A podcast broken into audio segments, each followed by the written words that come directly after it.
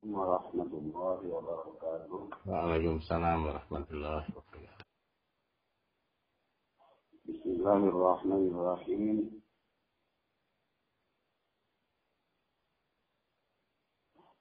بسم الله الرحمن الرحيم. الحمد لله رب العالمين. اللهم صل وسلم وبارك على سيدنا محمد وعلى آله وصحبه أجمعين. سبحانك لا علم لنا إلا ما علمتنا إنك أنت العليم الحكيم.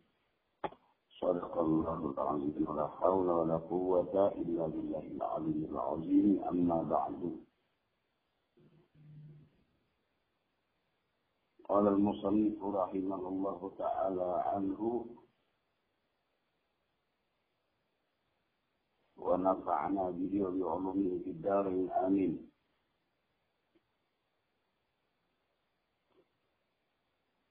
Salah satu dari yang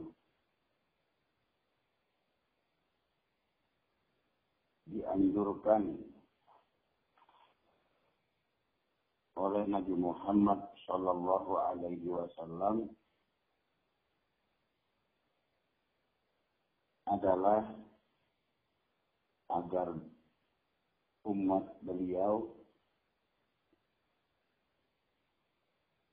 bisa memanfaatkan momen siang ini sebagai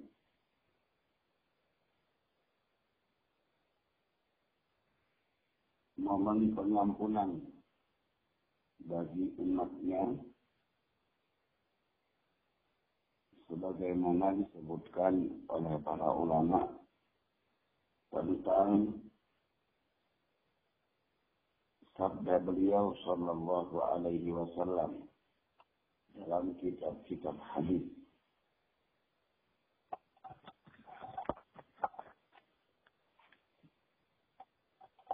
Jadi Rohima ibu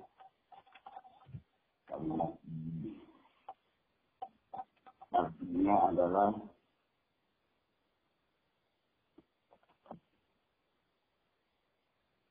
sangat merugi.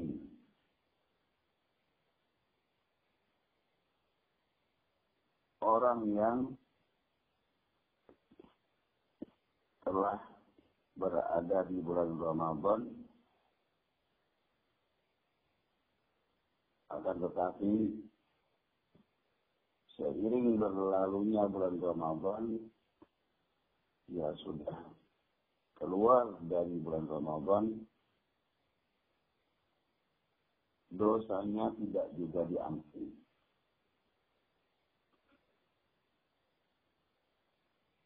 Habis ini juga satu paket dengan dua kalimat lainnya yang dimulai dengan kata sangat merugi. Ya, termasuk orang yang berpuasa, orang yang berada di bulan Ramadan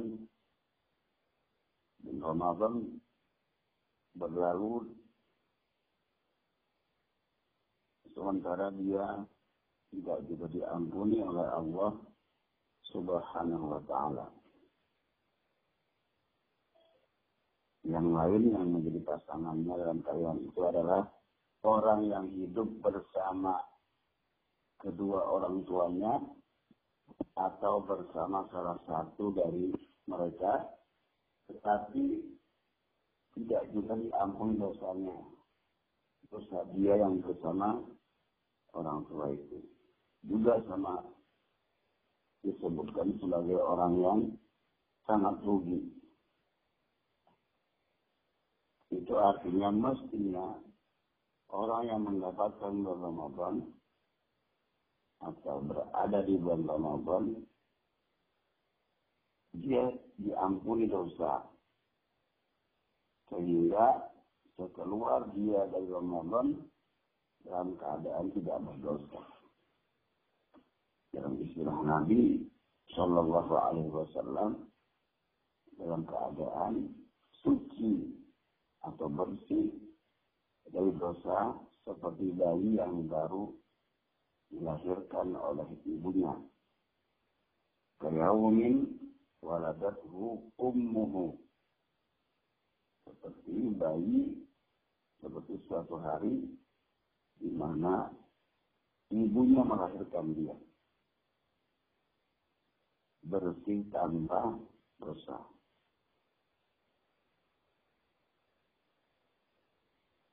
Berarti di bulan Ramadan salah satu target kita adalah terampunkan dosa. Seluruh dosa terampunkan. Dengan adanya bulan Ramadan. Dan itu juga berarti bulan Ramadan itu adalah pengampunan rutin dari Allah Subhanahu wa taala selama satu bulan disediakan momen itu yaitu bulan Ramadan. Setahun sekali.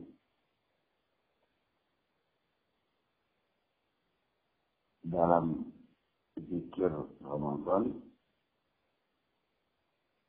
disebutkan yang sering kita baca mungkin di waktu menjelang berbuka atau kadang kita membacanya dalam zikir-zikir Pak Tarawih.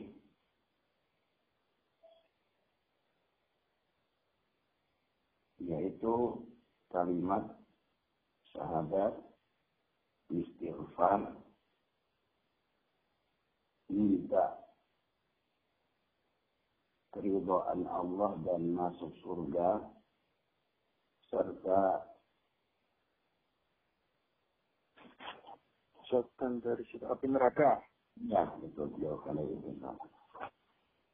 Asyhadu an la ilaha illallah astaghfirullah as'aluka jannah wa a'udzu bika minan nar atau as'aluka atau nas'aluka ridhaka wa jannah wa na'udzu bika minan nar Pun Pak Istri, Pak, kita ini penuh semua. Ya, ya, ya. Ya. Minta diampuni oleh Allah dan minta surga. Minta jauhkan api neraka.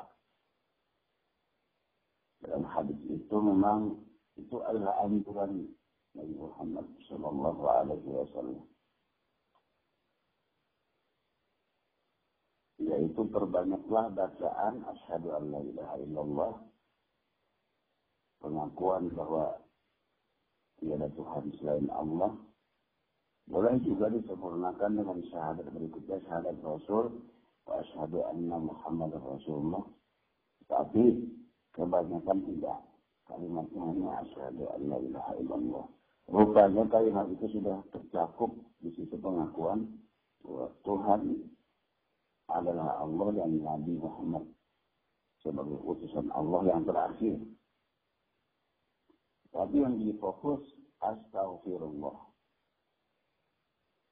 Mohon ampun kepada Allah. Baru as'aluka jannah mohon dimasukkan ke dalam surga wa a'udzu bika minan nar dan mohon perlindungan dari api neraka. Engkau as'aluka ridhoka wal jannah wa a'udzu bika min sakhatika wan nar. Mohon keridhaan Allah dan surga dan berlindung kepada Allah dari murka Allah dan siksa api neraka. Ini salah satu zikir yang dianjurkan. Diperbanyak. Mestinya dilakukan setiap hari selama Ramadan. Karena Ramadan itu adalah bulan atau hari, malam, jam, dan saat-saat. Semuanya adalah mustajab maka sayang kalau tidak digunakan untuk meminta empat hal itu.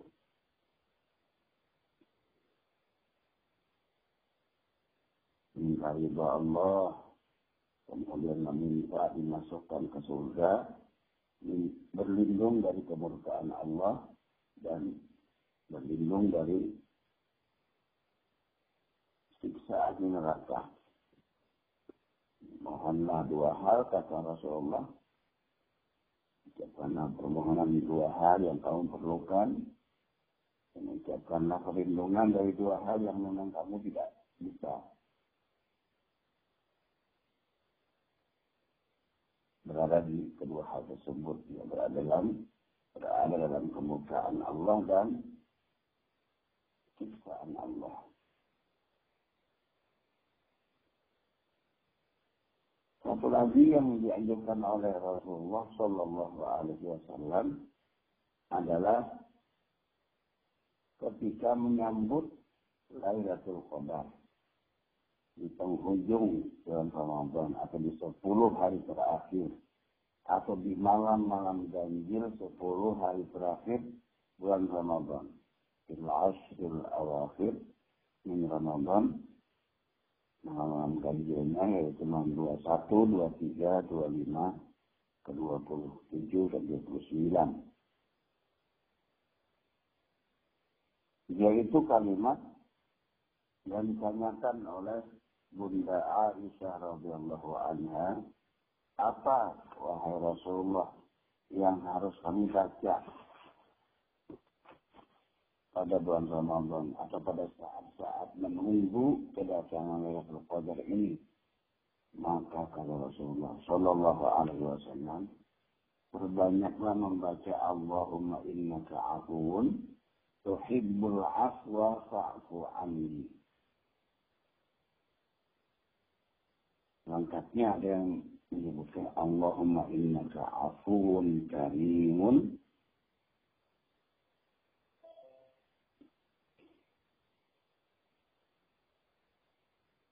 tuhibbul afwa fa'fu anni ya karim. Boleh salah satunya. Kalau itu kalimatnya adalah seseorang mewakili banyak orang sebagai imam, Allahumma innaka afuun atau afuun karim, tuhibbul afwa fa'fu anna ya karim. Hingga mengganti ini menjadi menjadi kata gantinya atau kami kalau dalam bahasa domir, kata ganti. Domir aku, domir saya, menjadi domir kami.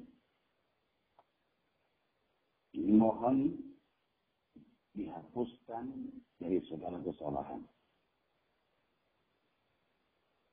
Kalau di doa yang pertama itu kita mengakui bahwa tidak tidak ada Tuhan selain Allah, mengakui Allah sebagai Tuhan satu-satunya, maka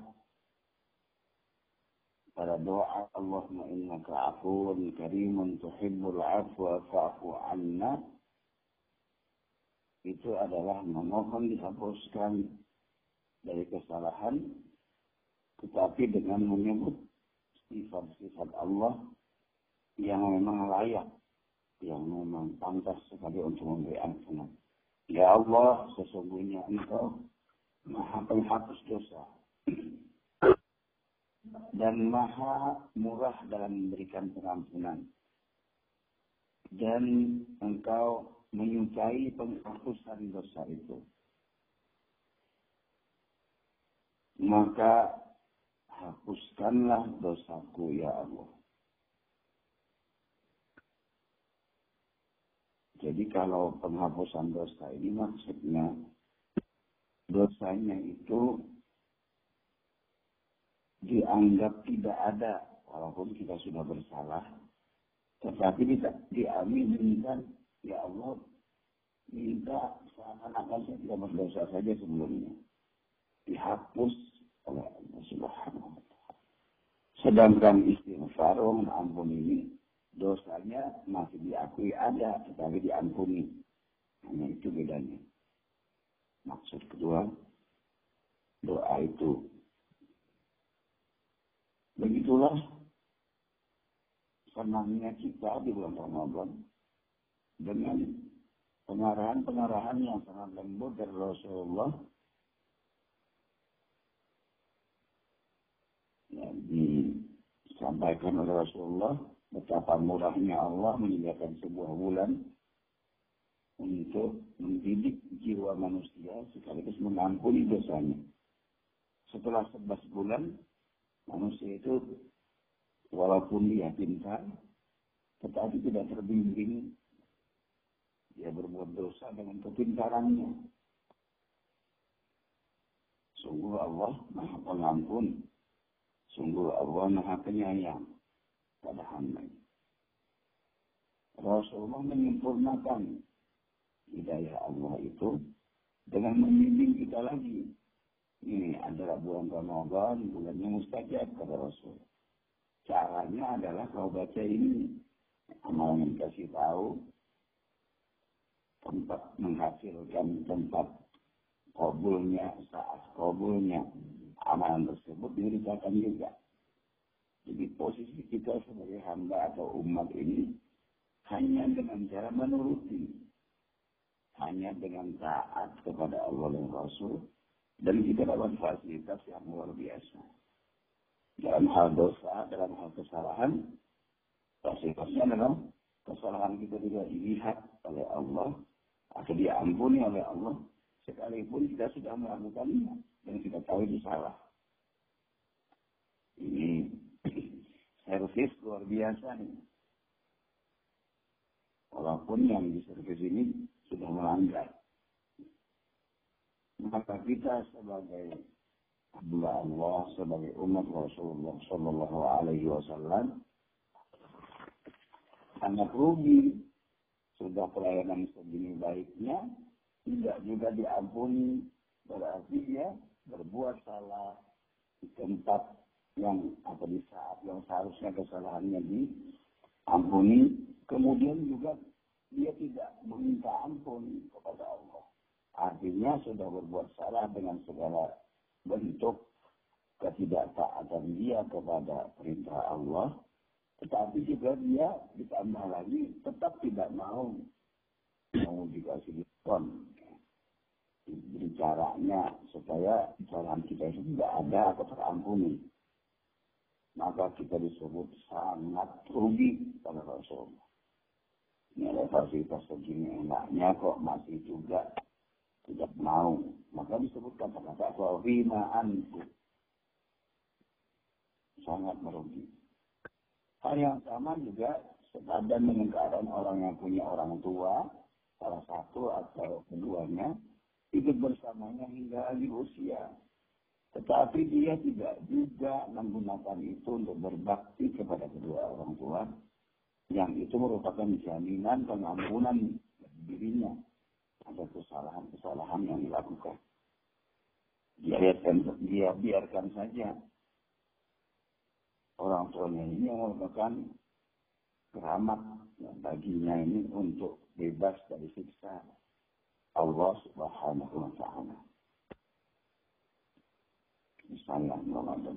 Oleh karena itu, mumpung Ramadan ini masih bersama kita, mumpung dia belum lewat dari momen-momen kebersamaan dengan kita ini, maka marilah kita manfaatkan agar hari-hari terakhir ini benar-benar menjadi pengampunan bagi kita atas kesalahan kita, ataupun bisa menjadi penghapusan atas kesalahan kita. Jadi setelah kita berbuat dosa, oleh Allah dianggap tidak ada. Tidak segera diampuni, ada pun tidak dosa itu. Dosa kita itu oleh Allah. Apabila Allah mengabulkan doa kita, Allahumma innaka afuun, tuhibbul afwa fa'fu amin. Rasul menekankan banyak-banyaklah membaca kalimat itu. Terutama pada saat menunggu datangnya Lailatul Qadar.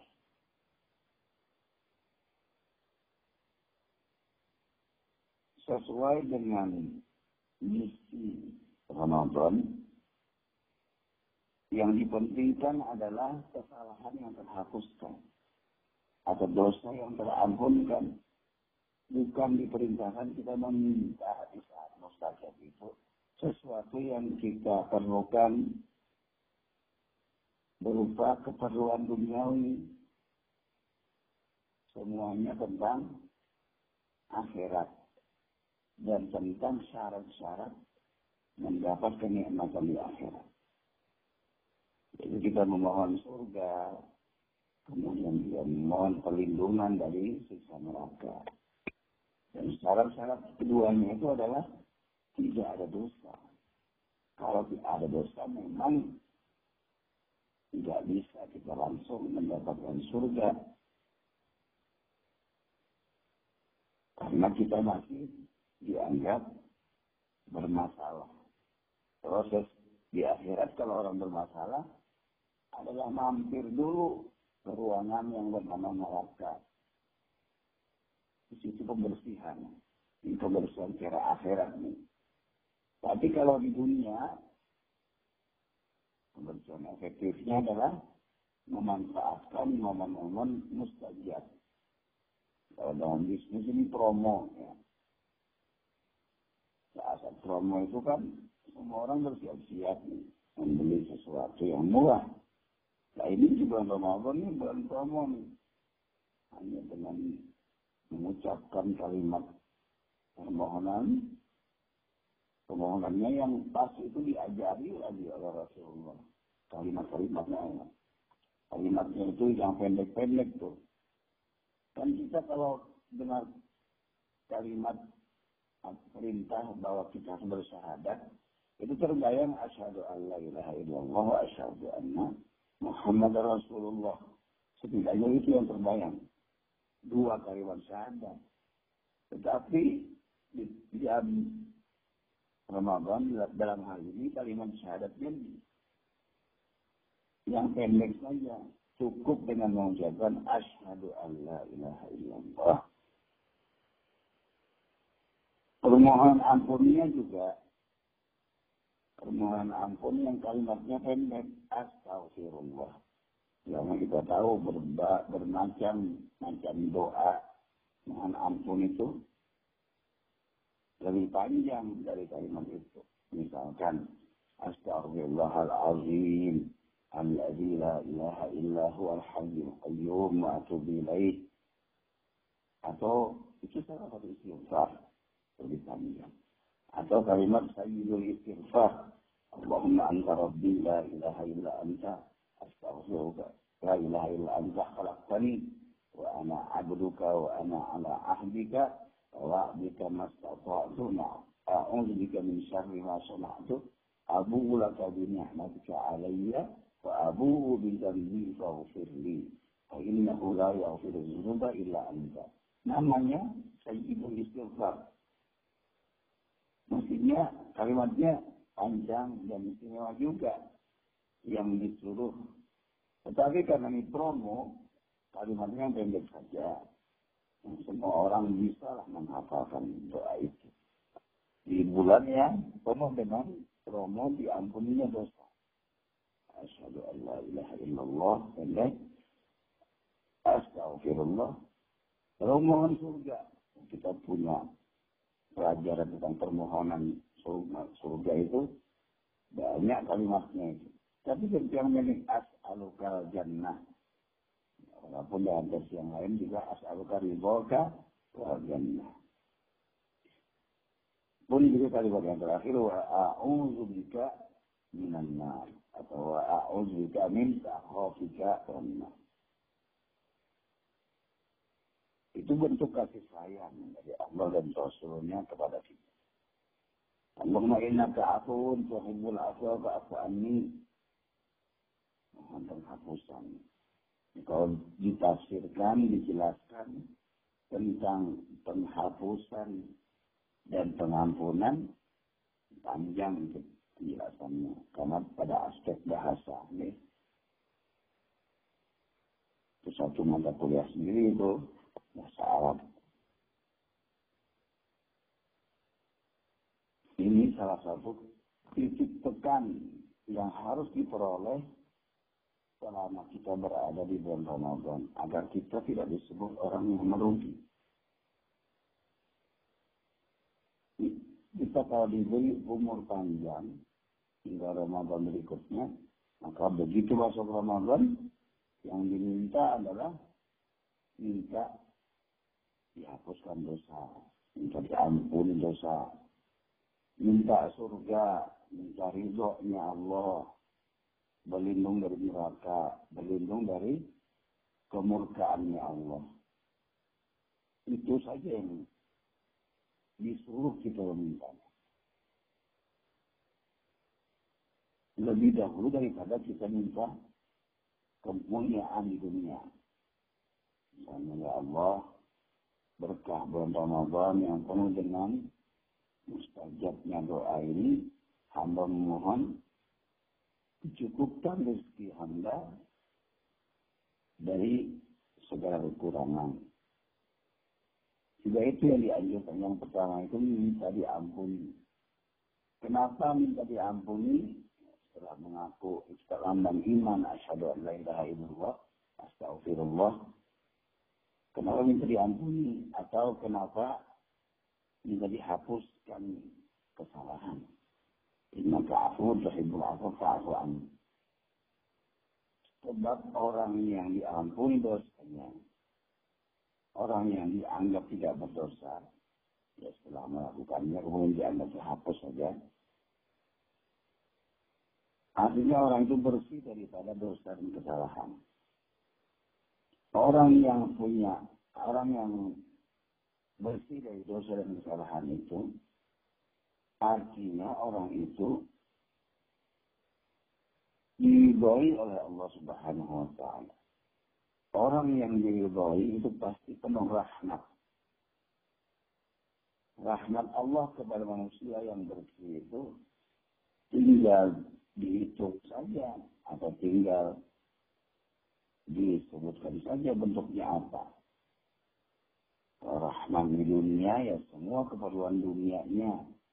Rahmat di akhirat terutama masuk surga dan semua kemudahan melewati pemeriksaan atau hisab sebelum kita masuk surga. Ini perintah Rasul atau anjuran Rasulullah untuk memohon ampun, meminta surga, meminta ridho Allah, mohon perlindungan dari kemurkaan dan neraka. Perintah untuk penyelamatan manusia juga. Terutama untuk keselamatan dunia. Jadi kita diarahkan untuk meminta yang benar-benar tepat. Bukan yang mestinya itu sekunder saja. Jadi harus cerdas juga dalam berdoa dan diarahkan oleh Rasulullah Shallallahu Alaihi Wasallam. So manusia tidak luput dari salah dan dosa. Maka sebelum meminta fasilitas yang lain berupa kenikmatan, minta dibebaskan dulu dari dosa dan kesalahan itu. Mohon ampun. Itulah maknanya kenapa orang tidak minta yang berhubungan dengan keperluan nafsunya. Mintalah yang berurusan dengan keselamatan dulu dari kesalahan, dari dosa-dosa. Selamat dari kedua hal itu, barulah kita bersih. Ramadan ini kata Rasulullah, kalau orang melaksanakan permohonan ampun dan dihapuskan dosa selama Ramadan, maka dikabulkan doanya dan dia keluar dari Ramadan itu bersih dari dosa dan kesalahan. Dan tampilannya dia itu seperti Kayaumin waladathu ummuh. Dia sangat bersih bagaikan bayi yang baru dilahirkan. Kalau kita bayangkan atau kita visualisasikan kalau bayi yang dilahirkan itu bayi itu semuanya menyenangkan dipandang enak. Bahkan dicium pun harum. Disentuh lembut. Dan dia dalam pandangan orang dewasa layak untuk disayangi seperti apa pun bayinya. Dan dianggap perlu ditolong. Nah ini tampilan kita yang keluar Ramadan ini adalah berarti kita menebarkan kewangian kepada yang lain. Semua senang kepada kita. Kemudian kita juga selalu diberi orang lain karena orang lain merasa sayang, merasa kasihan kepada kita. Merasa kita ini perlu dibantu terus oleh siapa saja. Kalau bahasa sufi itu orang itu adalah wali. Jadi lulusan-lulusan madrasah Ramadan ini mestinya adalah para aulia. Kekasih kekasih Allah subhanahu wa ta'ala. Dalam pengertian yang lain berarti para aulia itu orang-orang yang diampuni terus dosanya oleh Allah. Bukan terjaga dari berbuat salah, tetapi dosanya selalu diampuni. Selalu dapat fasilitas dari Allah.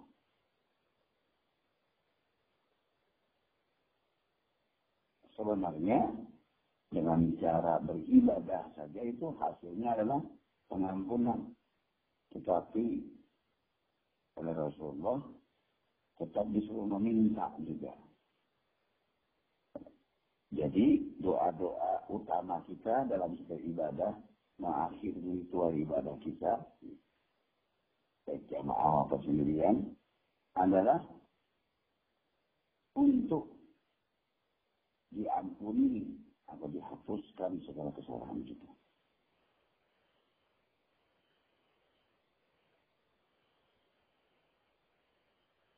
Jadi dalam misi Allah dan Rasulnya untuk kita ini adalah dari Ramadan ke Ramadan itu tampilan kita ini adalah tampilan para wali.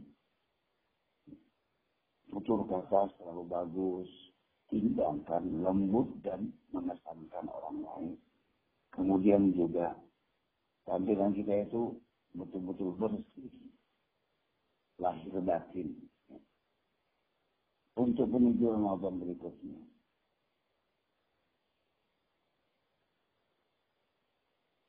Kemudian masuk ke Ramadan berikutnya itu mestinya suasananya sudah beda lagi. Suasana orang yang diampuni, maka semakin kuat ibadahnya. Nafsunya sudah terkendali. Begitu masuk Ramadan, dia tidak tidak lagi tanda kutip namanya dia tidak lagi untuk dididik di Ramadan, tapi untuk menambah derajat saja.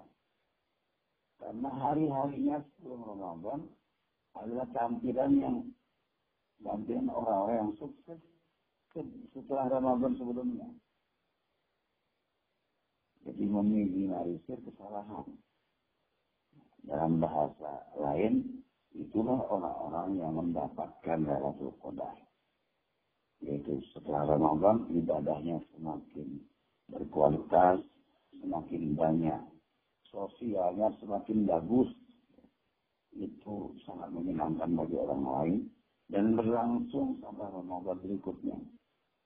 Begitu sampai Ramadan berikutnya, lebih hebat lagi keluarnya Ramadan itu.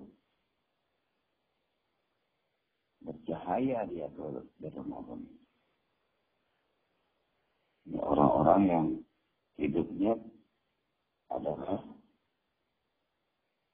kalau malam itu betul-betul hebat ibadahnya, kalau siang berjuang dalam kehidupan seperti orang yang sudah habis-habis tenaganya. Terus beraktivitas. Malamnya juga tunduk di hadapan Allah Subhanahu wa taala dalam sholat-sholat malamnya, dalam zikirnya, dan bacaan Al-Qur'annya. atas pengetahuan seperti itu, bagi saya pribadi, Ramadan itu momen yang sangat mendebarkan. Begitu masuk Ramadan, serta merta saya terucap Alhamdulillah. Seakan-akan sudah masuk keselamatan. Seakan sudah masuk ruangan yang membuat kita aman. Jadi kalau pikiran pendek saya itu, begitu masuk maghrib, waktu Ramadan itu, masuk Ramadan, saya merasakan sudah sangat dijamin. Belum apa-apa, saya merasa sangat selamat sudah. Itu. Karena ini bukan suci, bukan penuh barokah, maghfirah ini. Momennya itu momen yang menyebarkan sekali bagi saya. Karena di luar Ramadan ini tidak ada bonus lah. Kalau dalam kehidupan ekonomi itu ya. Kita harus berjuang, kita harus berletih-letih untuk mendapatkan ampunan dari Allah. Tapi begitu Ramadan, semua pahala digandakan. Semua ibadah sunnah sama dengan beribadah wajib di bulan Ramadan. Pahalanya. Semua ibadah wajib di bulan Ramadan Nah, setara dengan tiga, 70 kalinya ibadah ibadah wajib di bulan selain Ramadan. Oleh karena itu, marilah kita memanfaatkan ini. Seperti orang yang berdagang atau berjual beli, para pembelinya itu menunggu saat-saat diskon besar-besaran atas barang yang berkualitas. Tunggu itu dikumpulkan uang untuk itu. Maka begitu tiba waktunya, dia akan berbelanja kenikmatan dari Allah itu. Kalau jual beli itu artinya jual beli dengan Allah itu adalah beribadah. Dagang dengan Allah itu beribadah maksudnya. Sebab Allah menjanjikan bayarannya itu pahala. Dan Ramadan ini kata Allah, ini beda loh dengan pahala-pahala di luar Ramadan. Karena hanya saya yang tahu jumlahnya kata Allah. Dan kita tahu kalau Allah itu berhitung, dia menghitung kekayaannya tidak akan terbaca, tidak akan terekam atau terdeteksi. Kekayaannya Allah itu al-ghani, maka kaya. Termasuk hal ampunan. Berarti sudah bisa ditebak nih Allah kalau ngasih ampunan di bulan Ramadan nggak tanggung tanggung atas ibadah kita. Jadi selamat semuanya kalau bisa memanfaatkan. Selamat dari kerugian yang besar. Kata-katanya Rakowi ma'anfu dari itu. Demikian saya kira renungan kali ini di berbagai bacaan yang berhubungan dengan Ramadan ini. Titik tekannya adalah kita memanfaatkan bulan ampunan. Maghfir dari Allah. Dan sekaligus juga bulan pembebasan dari api neraka. Ini kita kenalkan awaluhu rahmatun. Saat Ramadan itu penuh rahmat. Di awalnya kalau Ramadan itu dibagi tiga waktu. Waktu pertengahannya adalah maghfirah. Wa awsat wa awsatuhu maghfiratu. Wa akhiruhu itqun minan nar. Dan akhir Ramadan, seperti akhir, adalah ini momen pembebasan dari api neraka. Satu hal ini, bahkan salah satu hadis mengatakan, di setiap berbuka puasa. Di setiap berbuka puasa itu, saya tidak tahu angkanya persisnya. Tapi angka salah satu yang saya ingat adalah 6.000 orang itu langsung dibebaskan dari siksa neraka. Dalam momen berbuka puasa itu. Tersedia bonus berupa 6.000 orang bebas dari neraka begitu. Jadi apa namanya? Dimasuk, dimasukkan orang yang mendapat bonus sebanyak 6.000 orang. Kita tinggal mengkaji itu apa sih yang dilakukan untuk menghadapi pembebasan 6.000 orang itu biar kita termasuk. Jadi bisa satu momen saja pada saat buka puasa aja itu sudah selesai. Jadi fonis bebas dari siksa. Berarti keluar Ramadan kita ini tidak ada kesalahan Nabi yang bisa kita lakukan. Jaga kita dari kesalahan-kesalahan. Rahasia Ramadan. Inilah kemudian yang disebutkan Rasulullah.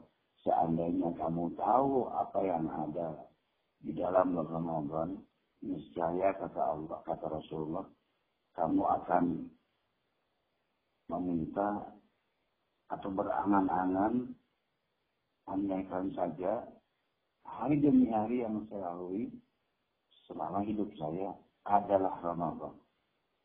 Kalau, kalau, kalau kamu tahu isinya, kalau orang minta tuh, setiap hari mau adalah Ramadan.